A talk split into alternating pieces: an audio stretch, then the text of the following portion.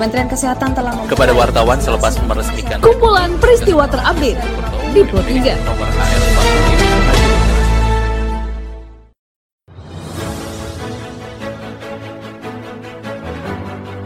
Halo pendengar, saat ini Anda sedang mendengarkan kumpulan peristiwa Pro 3. Pada podcast kali ini saya akan mengulas terkait isu-isu aktual yang saat ini masih hangat atau ramai diperbincangkan di sekitar kita. Tentu saja pendengar, nanti akan saya hadirkan cuplikan informasi dari reporter kami. Bersama saya Karisma Rizky, inilah kumpulan peristiwa Pro 3 di ruang dengan podcast Anda. Pendengar, sebelum saya masuk dalam beberapa isu aktual yang akan saya hadirkan sesaat lagi, saya akan mengundang Anda untuk mampir ke laman berita kami di rri.co.id.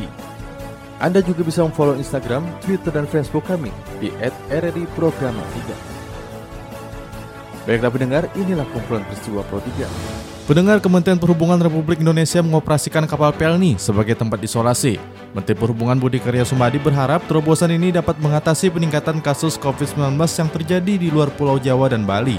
Dilaporkan Deni Herani berikut keterangan Menteri Budi. kita juga melihat bahwa kapal rally yang semula memberikan layanan pergerakan dari satu tempat ke tempat yang lain. Sekarang ini lagi tidak ditugaskan. Dan inilah kita ambil kesempatan bahwa kita bisa menolong banyak rakyat Indonesia. Presiden sudah kita laporkan dan sangat mendukung kegiatan ini. Oleh karenanya, Bapak-Bapak Wali Kota jangan ragu bahwa ini adalah satu program kita bersama untuk menangani COVID, tetapi juga pemerintah pusat akan membantu dari segi kapal, dari segi fasilitas kesehatan. Sebelumnya Dirlantas Polda Metro Jaya Kombes Pol Sambodo Purnomo Yogo mengatakan pelaksanaan ganjil genap polisi akan mengecek plat nomor kendaraan saat melintas, apakah sesuai dengan tanggal atau tidak. di delapan ruas kawasan mulai dari Jalan eh, Sudirman, Tamrin, eh, Medan Merdeka, kemudian Jalan Majapahit, Gajah Mada, Hayamuru, dan Gatot Subroto. Secara teknis pelaksanaannya tidak ada perbedaan dengan kemarin pembatasan kemarin.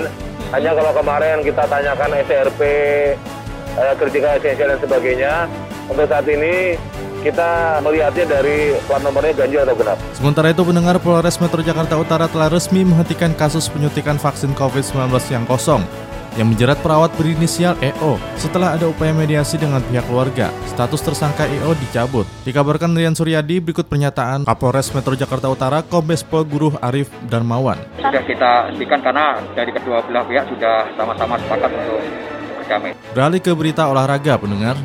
Ketua Komite Olimpiade Indonesia atau NOC Indonesia, Raja Sabta Otohari, mengatakan atlet Indonesia yang berlaga di Olimpiade Tokyo 2020, 10% di antaranya berusia muda dan memungkinkan akan tampil kembali di Olimpiade tahun 2024 yang akan dihelat di Prancis.